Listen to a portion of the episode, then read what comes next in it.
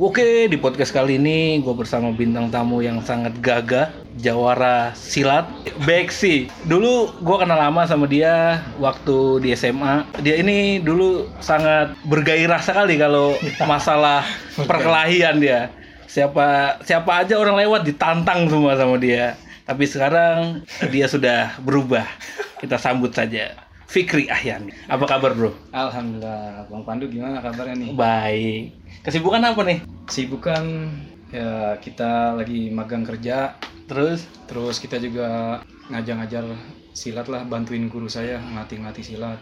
Nah, gue penasaran nih, lu kenapa bisa terjun ke dunia persilatan beksi ya khususnya ya? Hmm. Kenapa tuh? Ceritain dong. Karena emang dari awal tuh dari kecil khususnya saya itu emang demen banget sama silat. Sama silat. Emang cinta sebenarnya sama budaya gitu. Jadi pengen banget nih budaya kan luas ya. Hmm. Saya pengen banget tuh ke fokus ke silatnya. Hmm. gitu bukan bukan karena emang buat berantem tapi siapa tahu aja dengan belajar silat ini saya bisa ngendaliin diri saya gitu. Hmm. karena kan dulu itu Hmm. nggak kekontrol Nggak kan kontrol dulu siapa aja disikat ya kan? ya kalau ubin sih kita sikat dah Dan gue penasaran nih, kenapa lu milih beksi sebagai eh, apa namanya bela diri lu? Kalau beksi itu dulunya kan bukan umum sebenarnya Apa karena lu orang Betawi asli? enggak juga banyak si- silat itu kebanyakan emang Betawi kalau di Jakarta ya Hmm. Tangerang Selatan Tangerang Bekasi itu kebanyakan emang Betawi Hmm. dan silat-silat Betawi itu bukan beksi doang, cuman beksi salah satu silat yang paling tua memang. Hmm. Dan pas banget di keluarga saya tuh turun temurun Beksi. beksi gitu. Dan beksi itu kan ada aliran-alirannya ya. Hmm. Pokoknya turunan keluarga udah beksi semua. Udah jadinya, beksi semua. eh, jadinya saya latihannya beksi itu belajarnya. Dan yang bikin saya tuh Jatuh cinta? jatuh cinta tuh beksi tuh power gitu Power. powernya bener-bener keras. Kenapa saya bisa bilang keras ya emang saya rasain sendiri dah. Apa apa yang kerasnya apa? ya dipukul guru ngerasain, Hmm. kena pukul temen ngerasain gitu. Bahkan nggak tanpa dipukul pun kita luka sendiri gitu. Kok bisa? Ya di back situ ada gejigan kaki. Ah, apa Kalau itu? orang awam tuh orang baru belajar bela- ngelatih gejigan kaki, nginjek kaki ke ubin itu itu bengkak dulu. Bengkak dulu. Iya, Itu emang syarat itu. emang udah bakal begitu Hmm. resikonya. Apalagi pon blok, kon blok kita Hmm. kita injek kan, bukan tanah, bukan Hmm. ubin. Itu bengkak pasti. pasti bengkak itu buat ngelatih ngerasin lah gitu terus mukul tangan pukulannya tuh telentang itu yang bikin beda Terus ya ngerasainnya bukan main ternyata beda banget Dan bedanya sama pancak silat nasional? kalau pencak silat nasional itu kan jatuhnya eh, IPSI ya IPSI itu larinya ke prestasi Hmm. prestasi itu masuknya nanti ke sekolah-sekolah Hmm. biasanya gitu terus bisa juga perguruan-perguruan itu asal bisa tahu ilmunya tahu jurusnya bisa juga daftar di IPSI karena Hmm. IPSI itu wa- wadah Wadah. tempat, tempat di mana setiap perguruan itu uh, untuk menunjukkan prestasinya Oke. ngangkat budayanya lewat IPSI karena IPSI udah mendunia Oke. kalau saya emang buat uh, ini sih buat bela diri Oh, gitu buat bela diri. Buat bela Tapi lu diri. ada nggak pengen ke sana tuh? Pengen bela Indonesia gitu? pengen sini angkat budaya ini Angkat budaya Betawi Ah, khususnya. pengen banget nih jangan cuma di Jakarta atau di Jabodetabek doang pengennya tuh seluruh dunia tuh tahu Oh, tentang beksi. bahwa nih di Indonesia ada budaya Betawi khususnya silat namanya beksi. Hmm. gitu. Pengen banget saya kenalin gitu. Pengen banget juga orang luar kalau perlu sampai belajar ya. Iya. gitu karena kan yang mendunia itu kebanyakan ya kayak taekwondo karate jujitsu dan sebagainya kan. Nah jarang kalau silat tuh bener-bener dikenal. Ah, bahkan di film-film aja mungkin Iko Uwais doang kan Iya. yang ini. Sisanya ya kebanyakan bela diri di luar silat semua. Berarti lu lebih memperdalamin budaya Betawi berarti? iya bukan karena gua orang Betawi ya Hmm. emang gue cinta dan gua resep gitu gue demen Heeh. Resep sama eh, beksi. sama beksi Dan beda karena lu bilang tuh ada eh, apa namanya tuh aliran aliran lain. Hmm. Nah, bedanya apa dengan beksi? kalau beksi itu ciri khasnya pukulannya telentang Terlentang. Eh, kalau orang kan tengkurap tengkurap kalau kita telentang gitu Begini. iya Susah juga sih Susah. kalau jelasin di sini ya. susah, susah dia harus telentang gitu dan dia nggak main kaki Hmm. bedanya karena di di beksi itu punya prinsip Hmm. kalau kaki ampe ngangkat Hmm. atau melayang nih buat nendang orang kita pertahanan kita cuma satu doang. tinggal satu kaki sedangkan pondasi itu kalau kuat harus dua Oke. gitu kalau satu udah hilang satu gampang banget roboh Oke. gitu Tapi di se Sejabotabek ini beksi semua. Apa ada aliran lain? banyak di Banyak. Indonesia tuh banyak banget aliran kalau saya bicara Jakarta aja Iya. ya. Jakarta aja ada Cingkrik Hmm. gitu ada Sabeni Hmm. ada Haikun Hmm. Silat Lipet bahkan Jalan 6 Troktok Hmm. Ma Beksi Hmm. macem-macem yang lainnya Hmm. karena apalagi semakin bertambahnya zaman itu aliran silat tuh semakin banyak Semakin banyak. ya bahkan Cimande juga ada bahkan yang dari Pulau Jawa aja ada Hmm. kayak maksudnya dari luar lah dari Jawa kayak PSHT Hmm. Ikatan Prasakti Itu apa bedanya tuh? beda kalau emang dari Betawi kan kebanyakan ya kayak Cingkrik, Sabeni Hmm.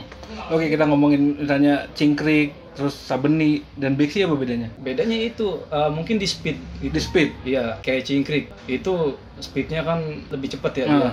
Terus kalau kayak Sabeni dia terkenal kayak misalkan jurus kelabang nyebrangnya tuh. Hmm.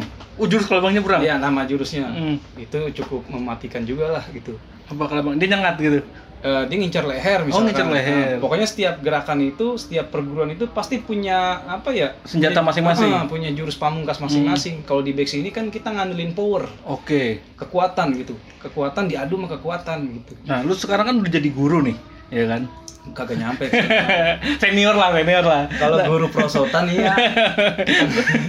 Nah, lu gimana sih naik tingkat di Beksi itu untuk menjadi eh, guru? Jadi asal muasalnya bang saya bisa bantu melatih guru tuh ya saya pertama belajar dulu Hmm. belajar karena di Bex ini lama nah, jurusnya beda sama yang lain yang lain setahun setengah atau dua tahun udah bisa ngajar Hmm. Kalau di Bexi setahun itu baru satu jurus Baru satu jurus. iya paling cepet tuh enam bulan tujuh bulan tuh paling cepet Paling cepet. Ngapalin berapa jurus tuh? dari 12 tuh saya baru 9 saya. Wah, cepet dong dari itu udah langsung jadi guru. tapi kan dari 2012 saya Dari belajar 12 iya, sampai, sekarang. 8 tahun ya? Iya karena saya juga lagi vakum nih kebetulan lagi corona kan Hmm. wabah jadi untuk social distancing dulu lah gitu. Nggak via Zoom? Hah? Nggak via Zoom? Ya via Zoom HP-nya bingung. Nggak mumpuni ya? Iya. Lama juga berarti ya, satu jurus aja bisa satu tahun dua tahun ya? Iya satu jurus tuh uh, bisa setahun. Bahkan guru saya aja satu jurus itu dua tahun dia Hmm. dia ini pedalemin. Karena gini bang prinsip kita, kalau lu belajar satu jurus ini lu nggak paham Hmm. fungsinya buat apa, manfaatnya buat apa, itu nggak ada gunanya. Oke. Jadi tujuan kita belajar silat ini ini emang buat ngapalin jurus atau em- memang buat lu punya ilmu buat bela diri. Kalau memang buatnya ngapalin jurus, ya sekedar apal naik jurus abis itu. Tapi kalau emang ini buat mendarah daging Hmm. supaya ketanam sampai kita tua, ya itu mesti satu jurus itu harus waktunya lama, harus kita latih terus. Nah, ini gua gua seru nih, gua menarik banget nih. Lu kan sebagai guru, ya kan? Dulu waktu muda lu kan gua kenal nih. Lu kan sebagai orang yang suka banget berantem Baik, nih. baik ya. nah, ini bagaimana lu lu ngasih tahu ke murid lu gimana? Eh, itu pukul aja langsung atau gimana? Gua, gua pengen tahu nih. Ini menarik banget. Jadi pas lagi latihan, Hmm. saya ngajarin dia gimana caranya ngelumpuhin orang secepatnya. gitu. Tapi pas lagi duduk selesai latihan, saya ngajarin dia supaya jangan berantem. Oh, seperti itu. Jadi kebalikan nih. Habis gimana? Emang kita belajar silat buat bela diri. Eh, Bela diri kan pasti kalau orang mukul kita buat bertahan pasti ujung-ujungnya berantem-berantem juga kan. tapi lu berarti eh, ngajarin kalau secara pertandingan Mm-mm. untuk melumpuhkan lawan secara secepatnya. Mm-mm. Tapi lu berarti selain setelah pertandingan lu memotivasi Iya. jangan sampai berantem. Jangan sampai dipakai. Tapi murid, kan? murid lu pernah tahu nggak sejarah lu? ya murid nggak ada yang tahu sih. Ya. Jangan sampai kalau bisa. Bahaya dong kalau dengerin nanti. Ya nggak ada yang denger kayaknya. kayaknya khusus podcast kita kali ini nggak ada yang denger. itu nggak masalah. Yang penting kita udah berbagi cerita. Nah, Iya. lu kenapa kok bisa seperti itu? Kan dulu kan lu maksudnya sering berantem, tapi kok sekarang lu bisa menemukan eh, sesuatu yang baru dalam hidup lu? Kalau dulu itu kan kita benar-benar nggak terarah ya bang ya. Hmm. Kita belum belajar apa sih itu adab, Hmm. akhlak, sopan Hmm. santun itu. Yang saya tahu itu ya orang musik saya saya lawan gitu. Hmm. Orang yang malakin saya saya lawan. Hmm. Orang gangguin pacar kita kita lawan. Hmm. Udah begitu doang yang ada di pikiran saya Hmm. waktu itu. Nggak kenal takut, nggak kenal apa karena eh, pikiran kita masih pendek, namanya masih muda. Iya. Setelah kita umur kita bertambah, kita belajar, kita bergaul, pas banget saya belajar beksi ini, ya guru saya itu sering ngasih masukan, ngasih adab, ngasih tauin bahwa nih nggak bener begini, apa yang udah lu lakuin itu nggak bener. Oh iya, gue pengen tahu nih, lu sebagai guru ngajarinnya lebih ke fighting apa lebih ke moral? Dua-duanya. Dua-duanya. Pertama moral dulu. Gitu sebelum kita belajar pukulan adab dulu diajarin Ya, kalau adab. adabnya nggak bagus jangan harap kita dikasih jurus gitu Hmm. karena kan guru ini nggak mau asal-asalan nerima murid juga kalau murid nggak bisa diatur sama guru berarti dia nggak punya adab Oke, nah, Gitu. menarik nih. Titik balik dalam hidup lu. Lu dari lu bisa berubah total itu bagaimana ceritanya? ya karena saya pernah berantem dikerubutin banyak orang tuh saya kalah tuh Heeh. saya kalah adalah 12 orang tuh Hmm. Emang sih saya nggak jatuh, nggak Hmm. nggak luka, Hmm. cuman saya ngerasa kena pukul banyak aja Hmm. gitu. Saya nggak bisa banyak eh, bergerak pada saat Hmm. itu. Ya mungkin sama aja saya kalah ya Iya. intinya gitu, kalah pukulan lah. Di situ langsung termotivasi, langsung ada pikiran gitu, ada ide, ada masukan di pikiran saya. Ini aja masih ada orang tua aja, saya buat ngelindungin keluarga saya aja nggak bisa. Hmm. Jangankan keluarga, diri sendiri aja nggak bisa. Bagaimana nanti kalau orang tua saya nggak ada umur? Oke. gitu. Sedangkan ke depannya saya pasti punya keluarga sendiri. Hmm. Gimana caranya supaya saya bisa ngelindungin keluarga saya nanti, Hmm. anak istri saya, Hmm. diri saya, gimana caranya? Nah saya butuh ilmu di sini bang. Hmm, Oke. Ilmu apa gitu? Saya nggak nggak demen ilmu-ilmu wafak, kebal apa segala Hmm. macam. Saya nggak terlalu demen. Saya lebih suka ilmu-ilmu yang pasti aja gitu. Itu Ya, titik akhirnya- balik dalam hidup lu tuh. Iya, itu asal muasalnya tuh. Akhirnya saya belajar lah, saya nyari silat. Hmm. Akhirnya saya belajar nih silat beksi ini. Berarti terkontrol sekarang.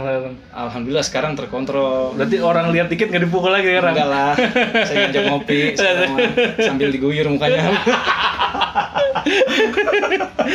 Tapi seru sih maksud gua dulu kan lu sangat temperamen ya. Heeh. Ya kan sekarang berubah total nih hidup lu nih. Mm-mm. Dan titik baliknya itu gara-gara lu dikeroyokin tadi. Iya, asal muasal tuh saya dikerubutin. Karena kan dulu tuh saya belum pernah kalah. Oke. Berantem tuh ya menang terus karena Hmm. emang lawan kita belum saya belum pernah ketemu orang yang mungkin lebih hebat dari kita ya. Oh, Oke, berarti lu Gitu. selama itu mencari ya. Iya, saya Mencari. nyari, saya nyari itu. Berarti tujuan lu dulu orang lewat pukul orang lewat pukul mencari berarti. pengen tahu sampai di mana batas saya. Oh gitu. Eh, eh, batas kekuatan saya tuh sampai di mana sih gitu. Makanya orang mau gede kayak apa juga saya lawan terus. Berarti saat itu lu berarti lagi mencari jati diri dong ya? Sam- Mungkin orang sekarang bilangnya eh, konyol ya, orang dulu begitu bilangnya. Iya, berarti mencari jati diri ya Iya, maksudnya ya. walaupun badan kecil, eh, lawan kita mau gede kayak mau ototnya ada tujuh lagi, saya pukul dulu. Oh dulu. Karena saya ngarepin, saya pengen tahu sampai di mana sih dulu. gitu. Heeh. Ternyata apa yang ada di pikiran saya itu salah semua. Salah, salah semua. Efeknya apa? Temen jadi pada takut main sama kita. Jangankan temen orang lain yang belum kenal aja takut. Karena kita udah terbiasa emosi, muka kita kan kaku. Iya betul. Sekarang lu agak senyum dikit ya sekarang. Ya iyalah. emang emang habis minum kopi. iya, jadi orang pada takut, pada bingung mau ngomong apa sama Hmm. saya gitu. Jadinya buat berinteraksi sama orang, bersosialisasi itu susah. Orang jadi pada ngeri dah, mencari kerja juga susah Hmm. terutama. Akhirnya saya sadar bahwa ternyata oh, mau sampai kapan saya hidup kayak gini? Hmm.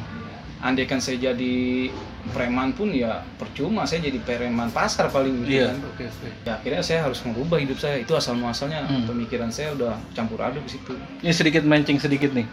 Sebagai eh, apa namanya orang Betawi ya, lu setuju gak sih sama namanya yang ondel-ondel keliling? Kalau saya sih jujur saya nggak setuju. Kenapa?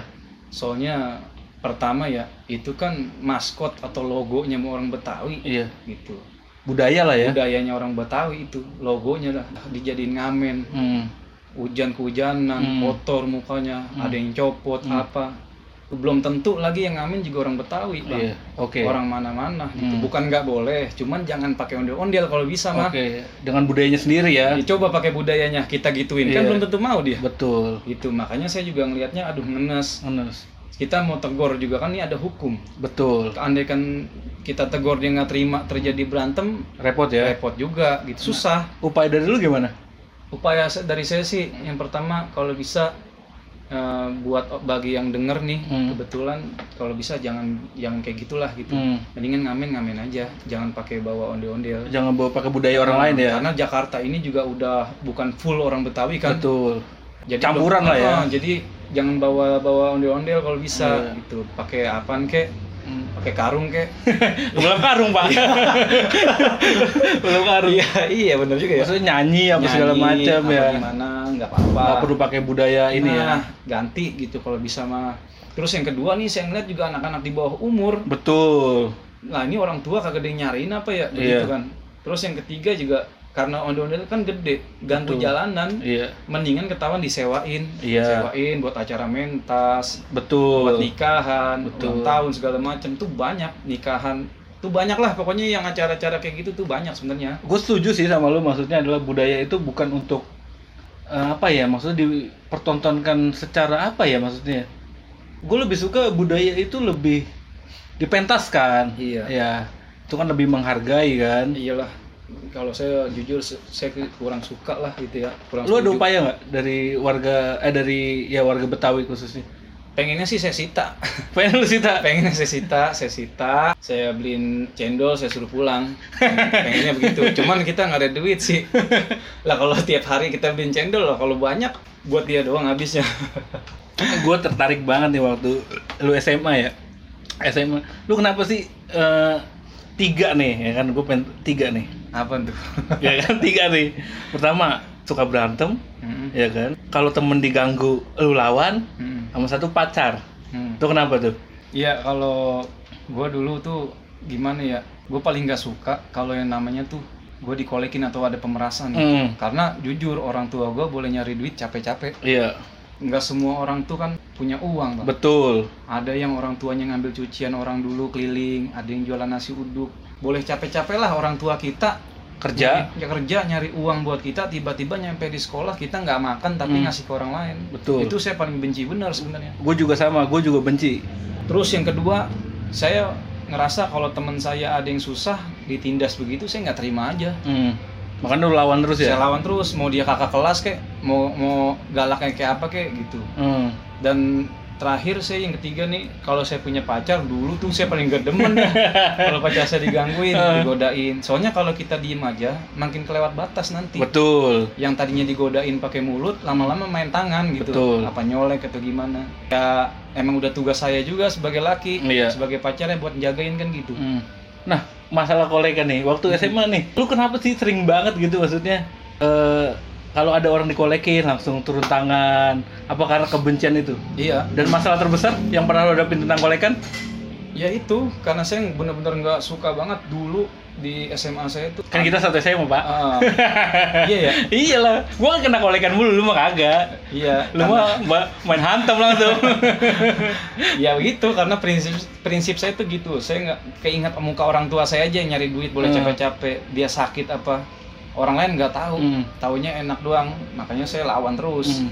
waktu itu masih kelas 1 itu saya digencet sama Hmm. anak kelas 2, kelas 3 Disuruh jadi tukang kolekin dulu saya tukang ngolekin disuruhnya Hmm, pertama karena pertama. kita baru masuk saya berbaur dulu kan Ah, saya tanya temen saya saya mintain atu-atu ada yang orang susah makanya saya tahu lah di situ oh Hmm. ternyata di sini banyak temen gue yang orang nggak punya orang gitu. punya. banyak yang bahkan yang lain pada keluar main itu Hmm. atau istirahat banyak yang nggak makan Oke. nah sedangkan kalau kita mintain Hmm. seribu dua ribu itu berarti banget buat Betul, dia. betul. saya nggak tega gitu. Hmm. makanya saya adalah hati saya ini harus ngelawan gua Oke. saya mungkin gak sebutin orangnya itu cuma tujuh orang doang yang siap Hmm. pada saat itu Oke, termasuk gue juga pengecut lah waktu itu lah. sama sebenarnya cuman saya kepentok aja udah wah nggak bisa nih kayak begini Ah. terus gitu kan sampai kapan tahu ya? mau sampai kapan Harus ada perlawanan pokoknya. Nah, tujuh orang ini sebenarnya kan ngewakilin dari Iya. seluruh siswa ini nah cuman kan di Nggak cukup kan? di- nggak cukup dan di, di bagian teman kita juga ada yang main nama alumni ada yang main nama kakak kelas Iya terpecah kan? terpecah ber- terbagi tiga kubu Iya. satu kubu saya Heeh. satu kubu mereka nih alumni Satu yang cuek. satu ini netral bang Iya, yang yang nggak mau cuek, kan? tahu udah nggak nggak- mau ini dah gua Ikut ini dah campur ya. gue nggak mau nyari resiko Iya. atau gimana gitu nah tujuh orang ini salah satu teman saya ada tuh bang yang diculik Diculik? diculik Lu tahu tuh? tahu saya diambil lah teman saya tuh Heeh. diambil dibawa ke rumahnya Lu ikut nggak sih? enggak saya posisi emang udah pulang Oh udah pulang. udah pulang Berarti lu nggak tahu kalau kondisi Nggak dia tahu. digebukin. nggak tahu Teman-temannya yang lain? Tahu Tahu. gitu cuma Ikut enggak? enggak cuma Ah, dia, dia doang diambil Heeh, diambil sama alumni ketemu dia ngasih tahu ke saya bahwa Hmm. lu hari ini harus pulang apa pun yang terjadi tuh Enggak, maksudnya pecundang sih. Gua gua jujur nih gua kesel banget nih pecundang. Maksudnya orang jadi gini. Gua kesel sih. Sorry sorry, gua kesel banget nih maksudnya. Ini pecundang banget maksud gua. Itu pecundang sih menurut gua. bukan main soalnya dia nggak mau dia apa dia nggak mau ngotorin tangannya Iya, iya pecundang maksudnya. iya nah karena emang sahabat kita cuman di situlah saya naik pitam nggak Iya. udah nggak inget siapa siapa lagi ternyata teman saya diculik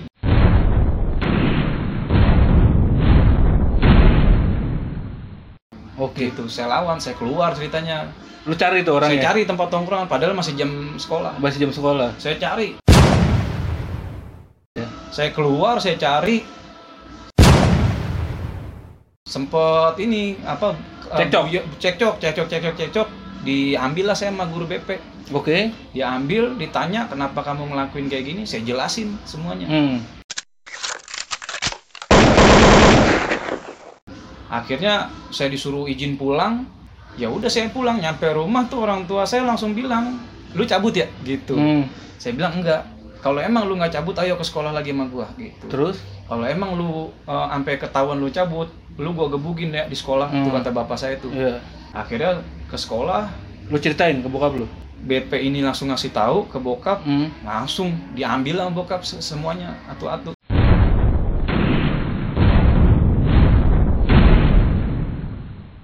Kenapa sih suka banget berantem itu nggak satu lawan satu, tapi lebih ke keroyokan? Kenapa itu, Pak? Menurut lu, Pak?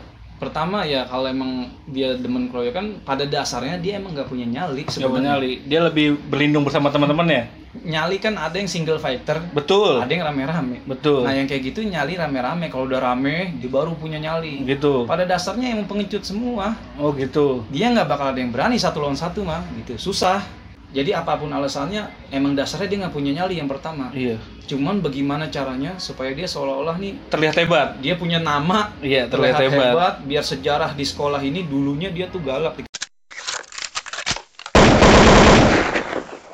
Emang sih gue juga penasaran sih kenapa sih orang sih lebih senang tuh keroyokan daripada satu lawan satu. iya di mana aja udah makanya itulah gunanya kita latihan silat tuh biar lebih terarah sebenarnya Oke. Gitu kita juga jangan belajar silat doang kalau bisa belajar ngaji juga Iya. karena ibarat Penyeimbang. Heeh, ibarat golok silat itu goloknya tuh Oke. agama itu sarungnya Oke. golok kalau tanpa sarung tuh jelek banget bang dilihat Oke. ya kan Hmm. golok kita tenteng-tenteng nih nggak ada sarungnya orang orang juga ngelihatnya jengah gitu ngelihatnya ini Jadi- anak anak siapa sih Jadi temperamen kayak lu Iya. dulu gitu. ya orang lain ngelihat kita bawa golok misalkan nih nggak ada sarungnya Iya pasti sih. orang tua ngelihatnya itu anak siapa sih Betul, betul. nenteng-nenteng golok Betul. gayanya sengah banget kan begitu tapi kalau golok pakai sarung kita lipet rapi orang juga ngelihatnya mau ke mana tuh latihan silat ya Betul. Oh ya balik Apa lagi. nih?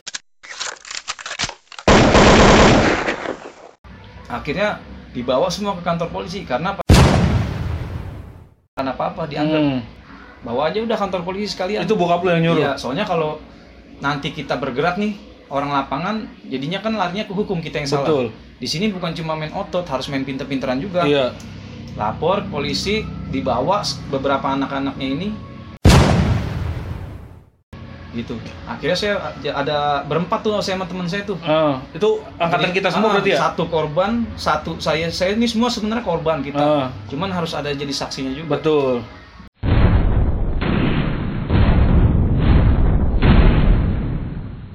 Itu dicari Oke. Enggak, Iya. gua gua denger itu gua kira itu si dia itu mau di rupanya Enggak maksud gua kenapa nggak dia aja ya nyari lu ya?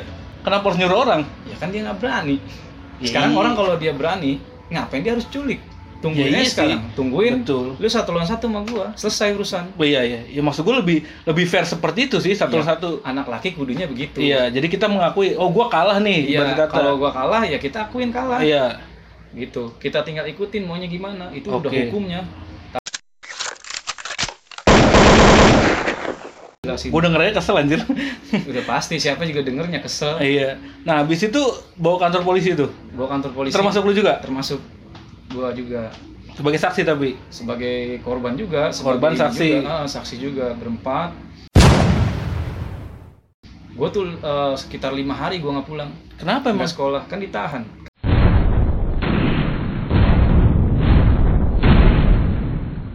Eh, enggak dicari polisi karena dia udah tahu dapat kabar kan dari Hmm. anak-anaknya dari teman-temannya Hmm. kabur dia kita cari ada yang kita ambil nih Hmm. yang itu diambil di rumah Dia ambil di rumahnya. iya diambil di rumahnya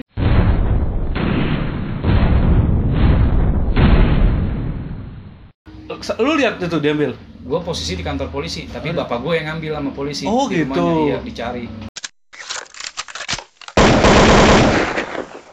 Akhirnya dia dia ambil nyampe kantor polisi nangis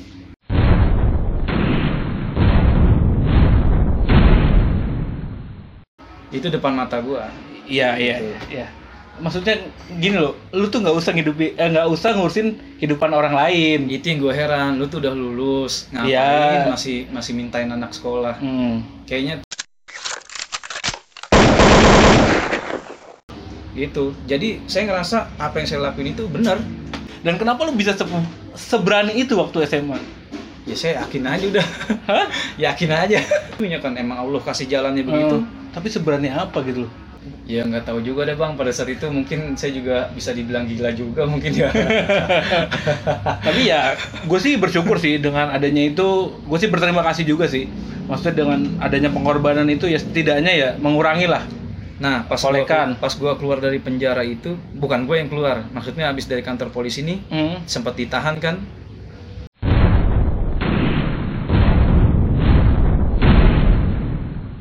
Iya yang tadinya nyaman-nyaman aja setiap harinya dapat duit gara-gara si Fikri ini masuk jadi kita berantakan mungkin beberapa tuh Emang mihak, Gua, emang mihak gue kan dia. banyak mihak. soalnya pas gue naik kelas 2 aja gue denger ada yang ngomong wah dia masuk kelas kita lagi wah dia masuk kelas kita lagi wah dia di sini lagi gitu Tapi gue jujur sih, gue emang benci banget. Saat itu gue nggak bisa ngelawan apa-apa memang. Gue jadi ya bisa dibilang pecundang. Dan makanya gue terima kasih sama lu maksudnya. iya gue sih gue nggak pikirin dah bang pada saat itu orang mau temenan kayak sama gue kayak mau kagak kayak gitu. Gue nggak dikasih makan ini sama lu pikiran gue gitu. Toh lu juga bukan temen gue cuma kenal doang. Eh, gitu kan. Kalau emang dasarnya lu sayang sama temen-temen lu harusnya lu berjuang ikut gua. Karena Iya. di antara temen lu sendiri pun ada yang orang susah. Betul. gitu. Lu sendiri juga masih susah pada Menurut lu kenapa orang memilih kayak gitu? Ya dia karena pengen ke depannya dia juga punya nama Aman, aman Iya, lebih biar- pengen punya nama. dia pertama pengen aman kelas satunya Ah. setelah naik kelas dia juga pengen punya nama ke depannya karena itu kan bakal jadi tradisi Iya. setelah dia kelas 2 atau kelas 3 dia ngolekin lagi nanti kelas Hmm. satunya Oke. begitu terus sampai bertahun-tahun Menurut lu kapan bisa berhenti? kalau ada orang yang berjuang Kalau ada orang yang berjuang. Iya, dan guru-guru eh, ngebantu lah, nge-support. Ngebantu. Dan dia nggak bakal takut, nggak bakal geder gitu. Mudah-mudahan dengan podcast ini banyak orang sih yang mau melakukan perlawanan tapi janganlah jangan pakai kekerasan ya. Iya, Karena sekarang bisa. hukum, Hukum. udah Beda, udah beda ya. beda. Menurut lu perlawanan yang paling bagus gimana?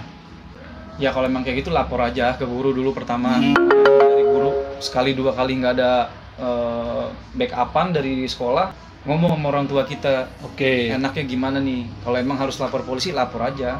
Kalau kita pukul dia, dia kalah, nanti dia lapor polisi Iya, Bang. betul betul. Sekarang seperti itu Iya, memang. dia sekarang nih dia nih kebanyakan mau di sekolah kayak mau di jalanan kayak mau pas ngajakin orang berantem pada galak-galak banget. Betul. Nanti giliran dia kalah, luka, babak belur, dia lapor polisi atau enggak manggil temennya. Nantangin mau, tapi giliran dikalah, lapor polisi kan repot. Tapi emang dari dari kecil lu nggak ada rasa takut dari Ya kecil. adalah. Nah, ini gue pengen dari sisi yang lain nih. Saya sebenarnya paling takut tuh sama jarum, sama suntikan. Jarum. Iya. Sama dong berarti gue juga sangat takut sama jarum Saya nggak berani dari dulu tuh. Nggak untuk masalah perkali perkelahian. Perkelahian. Lu kamu nggak ada rasa takut sama sekali dari dulu. Nggak ada.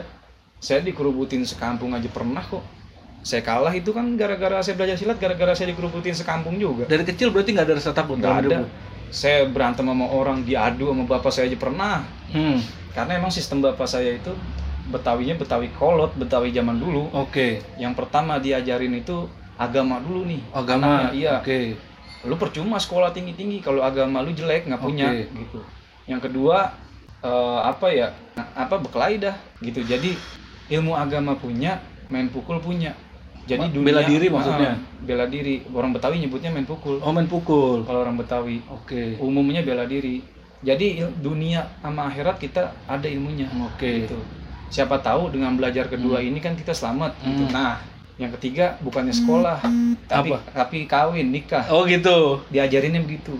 Berarti Iya. tapi sekarang lu udah eh ilmu gue pengen tahu nih ilmu bela diri lu sekarang lu gunain buat apa?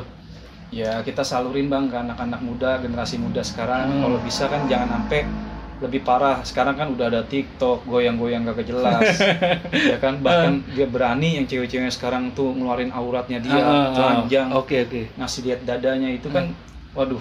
lebih parah bang saya lihat yang lakinya juga anak kecil aja pada ngerokok Iya. main HP Mobile Legend ya ke depannya bakal jadi apa gitu saya udah nggak bisa ngebayangin tapi dengan caranya kita ajarin anak-anak yang belajar silat sedikit banyaknya yang tadinya harusnya dia mabok nongkrong nggak Hmm. jelas paling nggak dia belajar adab Hmm. dia belajar sopan sama yang tuaan Hmm. dia juga dengerin omongan Hmm.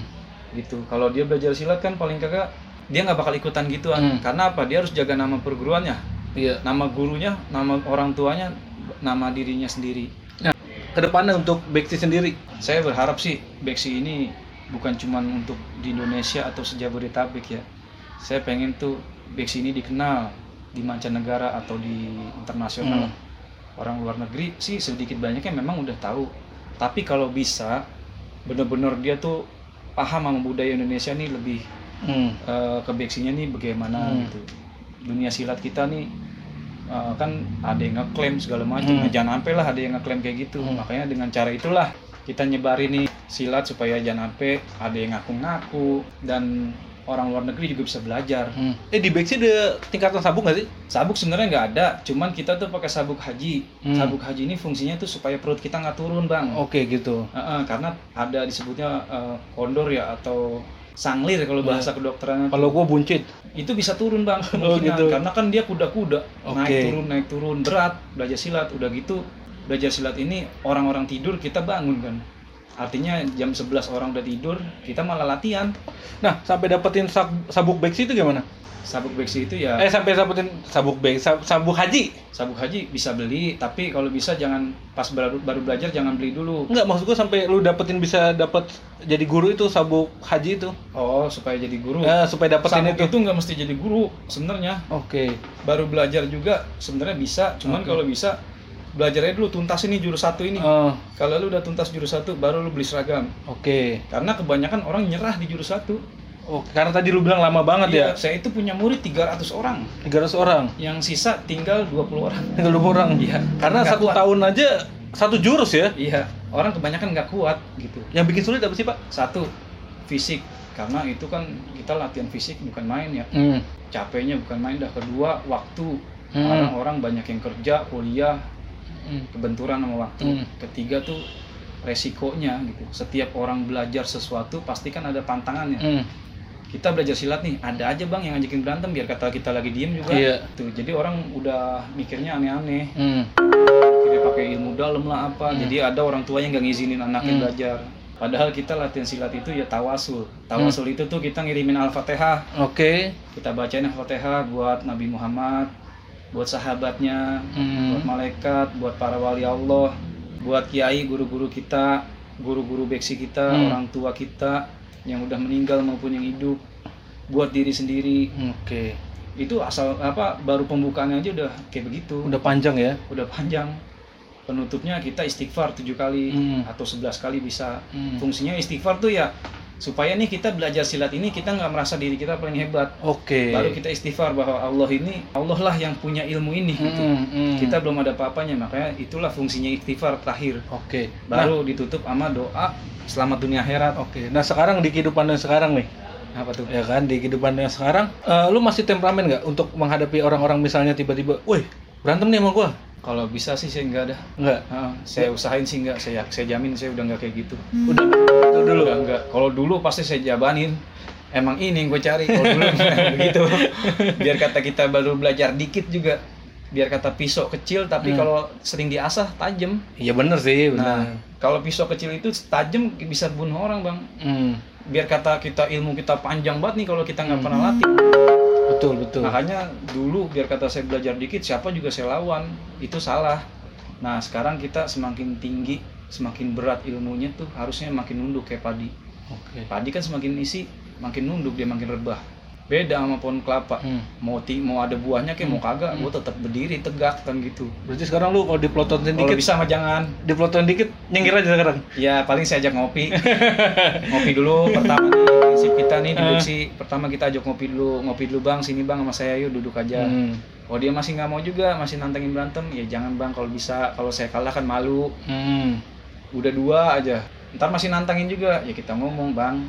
Gak enak lihat sama orang, mendingan abang jadi saudara saya aja. Hmm. Kalau dia masih berkeras juga bang, itu udah hukumnya kita nih diajarin sama guru kita keluarin, Keluarin. keluarin. Karena udah tiga kali Udah ditolak tiga ya. kali kita mundur. Ibarat kata kita udah kabur sebisa mungkin. Iya. Masih di Uber juga kepentok lawan. Oke. Jangan pakai takut, keluarin yang lu punya seadanya gitu. Mau dia kebal kek, mau dia bisa nangkep geledek Hmm. kek, pukul aja dulu. Urusan menang kalah belakangan. Nah. Nah, kalau udah kepentok, Pertarungan lu yang paling seru, yang lu paling lu inget dalam Beksi, lu kan pernah pasti uji tanding dong. Nah, kalau untuk pertandingan kayak diadu gitu sih Iya. belum pernah nih. Oh, lu belum Karena- pernah? Belum pernah karena beksi ini tuh bahaya. Dulu pernah di kampus. Hmm. Gua bela, bela- apa mencoba belajar IPSI nih. Hmm. Gua pengen tahu di beksi ini bisa nggak masuk prestasi. Oke. Pas diadu sebelum gua dilem- dilempar ke Jogja nih, Hmm. senior gua terbalik. Terbalik. Iya, maksudnya jatuh Hmm. karena dia pakai jurus IPSI malah bukan jurus IPSI sih, dia pakai eh, peraturan IPSI Hmm. yang ada di IPSI kan nggak boleh mukul muka nih. Iya, Sedangkan di beksi kan boleh. boleh. Nah, gue telepasan gitu Oh iya, maksudnya. jadi apa sih namanya? eh, ilmu Beksi lu keluarin. Iya, ilmu beksi gue keluarin, sedangkan di IPSI itu nggak boleh. Nggak boleh. Akhirnya dia kena, ya udah. Akhirnya gue sebelum berangkat malah gue didis. Oh, Didis. Kata guru gue di IPSI, lu mendingan jadi ini aja udah, jadi preman aja di jalanan. Lu nggak pantas jadi atlet lah. Karena gue terlalu kasar gitu maksudnya cara bertarung gue. Maksudnya belum masih bisa Belum bisa ngontrol, belum iya. bisa ngontrol diri. Karena emang di IPSI itu nggak bisa karena buat prestasi olahraga nggak bisa. Lebih seni ya, namanya juga seni, bela diri. Seni dia gitu. Nah, lu berarti belum selama selama lu mempelajari boxing dari 2012 ya sampai sekarang itu belum ada latih tanding belum pernah cuma itu dong udah semenjak saat itu saya udah nggak pernah lagi sama beksi-beksi lain nggak pernah latih tanding. pernah Nah, itu gimana? Lu pernah ngerasain apa tuh? Pertandingan yang seperti apa? saya pernah sama-sama nggak tahu kalau dia Hmm. basic saya juga basic pernah Itu resmi apa resmi enggak? itu itu mendadak ada yang resmi juga diadu ada Hmm. mendadak di jalan Hmm. juga ada Nah, gitu. pertandingan lu yang paling berkesan deh. Gue pengen tanya. saya pernah di Meruyung tuh Heeh. disamperin sama tiga guru gitu Heeh. entah itu guru entah itu pelatih pokoknya ini gurunya dia ngaku gurunya Hmm. saya lagi ngelatih anak-anak di situ Hmm. lagi ngelatih temen-temen tiba-tiba saya ditantangin didatengin sama dia bahwa dia tuh pengen nyoba datang ke sini bukan cuma silaturahmi dia pengen tahu Hmm. karena tradisi orang Betawi siapa pun yang mau latih di kampung Kampungnya, gua ya. gua mau coba dia kalau Hmm. lu menang silahkan lu ngelatih di kampung gua Hmm. tapi kalau kalah lu keluar dari kampung gua Oke. itu tradisi orang Betawi zaman Iya. dulu nah dipakai lah sama dia Hmm. gue pikir itu udah udah nggak ada aturan gitu ternyata gue disat- didatengin didatengin ya gue bilang seperti prinsip yang tadi gue cerita Hmm. yang pertama tuh kita saya ajak ngopi dulu Hmm. nggak mau saya ajak duduk bareng gitu ngobrol aja Hmm. nggak mau saya ajakin bersaudara nggak mau juga saya ngelihat di situ anak-anak murid saya ngeliatin saya semua Hmm. gitu aduh kita beban kita berat juga ini sampai gua kalah gua malu banget gitu Hmm. bukan cuma malu sama diri sendiri Tapi anak murid. anak murid bawa nama guru juga Hmm. gitu. ya udah akhirnya Bismillah aja dah Hmm. saya berdiri dia berdiri dia nanya siapa yang mukul duluan? gitu dia. Hmm. saya bilang kalau pesilat itu jangan ditanya. Hmm. lagi duduk aja gue udah siap. Silat Oke. itu dipukul sama dia. Ya cerita kena lehernya saya tusuk pakai tangan pakai Oke. pakai dua jari. Ah, kena lehernya muntah aja di tempat. Oke. muntah di tempat masih ngelawan juga. Muntah lagi dua kali dia. Sampai jidatnya tuh benjol bengkak. Hmm. kena pukul Tapi itu kan nggak resmi berarti dong. itu nggak resmi Yang resmi ada nggak? yang resmi itu diadu saya pernah Hmm. gitu diadu sama pesilat lain juga sama beksi pernah sama Hmm. di luar beksi Hmm. pernah alhamdulillah sih saya nggak apa-apa saya alhamdulillah Hmm. selamat gitu maksudnya nggak jatuh lah gitu akhirnya dia ngakuin bahkan sampai disamperin sama pesilat dari Banten juga saya Hmm. pernah Tapi namanya eh, ntar lu. Tadi di Beksi ada nggak sih kejuaraan antar Beksi gitu? Nggak ada karena di beksi ini yang benar-benar buat ini sih bang buat tempur karena kan beksi ini dipakai sama almarhum Bang Pitung juga Oke. salah satunya Oh, berarti buat jaga diri ya? almarhum Bang Pitung itu belajar beksi cingkrik Hmm. sabeni juga terus masih banyak yang dia pelajari Tujuannya buat melindungi diri. buat melindungi diri Berarti bukan ngelawan- buat turnamen. buat ngelawan penjajah tuh zaman dulunya Oke. Berarti sampai sekarang masih dong? Seka- sampai sekarang nggak bisa dia dimasukin ke IPSI juga beksi Iya. Berarti emang buat diri sendiri buat dong? diri sendiri emang buat tempur IPSI itu eh beksi itu nggak bisa gitu Hmm. makanya repot Berarti lebih eh, budaya ya? ya bukan saya banggain beksi ya emang Iya. udah begitu nyatanya Ah, berarti emang lebih budaya ya? Boy budaya dia budaya dan bener-bener buat bela diri gitu makanya nggak bisa dijadiin prestasi. Dulu pernah saya daftarin ditolak langsung. Karena dari pihak FC pun udah tahu bahwa Bex ini diblokir. Ya karena lu bilang terlalu karena keras dulu, ya. karena dulu juga pernah ada sejarah gitu maksudnya Hmm. sejarah Bexi diadu waktu pertandingan tuh.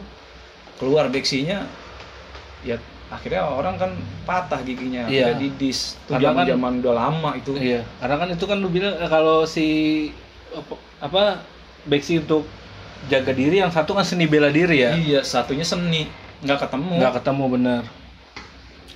Oke, untuk eh, terakhir gue pengen nanya harapan untuk budaya Betawi. saya berharap nih anak-anak muda zaman sekarang boleh main handphone tapi kalau bisa bantulah kembangin budayanya Budaya Betawi cin- seperti apa? cintailah budayanya gitu. Hmm. Seperti misalkan dia sukanya nari, nari, Hmm. dia pelajarin tari budaya. Dia sukanya kayak misalkan eh, ngembangin masakan, masakan Betawi, bet- apa budaya Betawi Hmm. bisa lewat kuliner, Hmm. lewat busana. Hmm. Nah, kalau emang dua-duanya nggak suka, ya belajar silat. Anak laki itu di dalam rumah belajar pukulan, eh di dalam rumah itu belajar Quran, Hmm. di halaman belajar pukulan gitu. Oke. Artinya jangan cuma belajar pukulan doang, belajar ngaji juga. Selajar belajar selain belajar ngaji, ya belajar juga silat. Oke. Terima kasih untuk Fikri Ahyani, sukses selalu Ya, ya. dengan Amin. apa yang dia lakukan. Sukses juga buat Bang Pandu. Oke, terima kasih. Wassalamualaikum warahmatullahi wabarakatuh. Waalaikumsalam warahmatullahi wabarakatuh.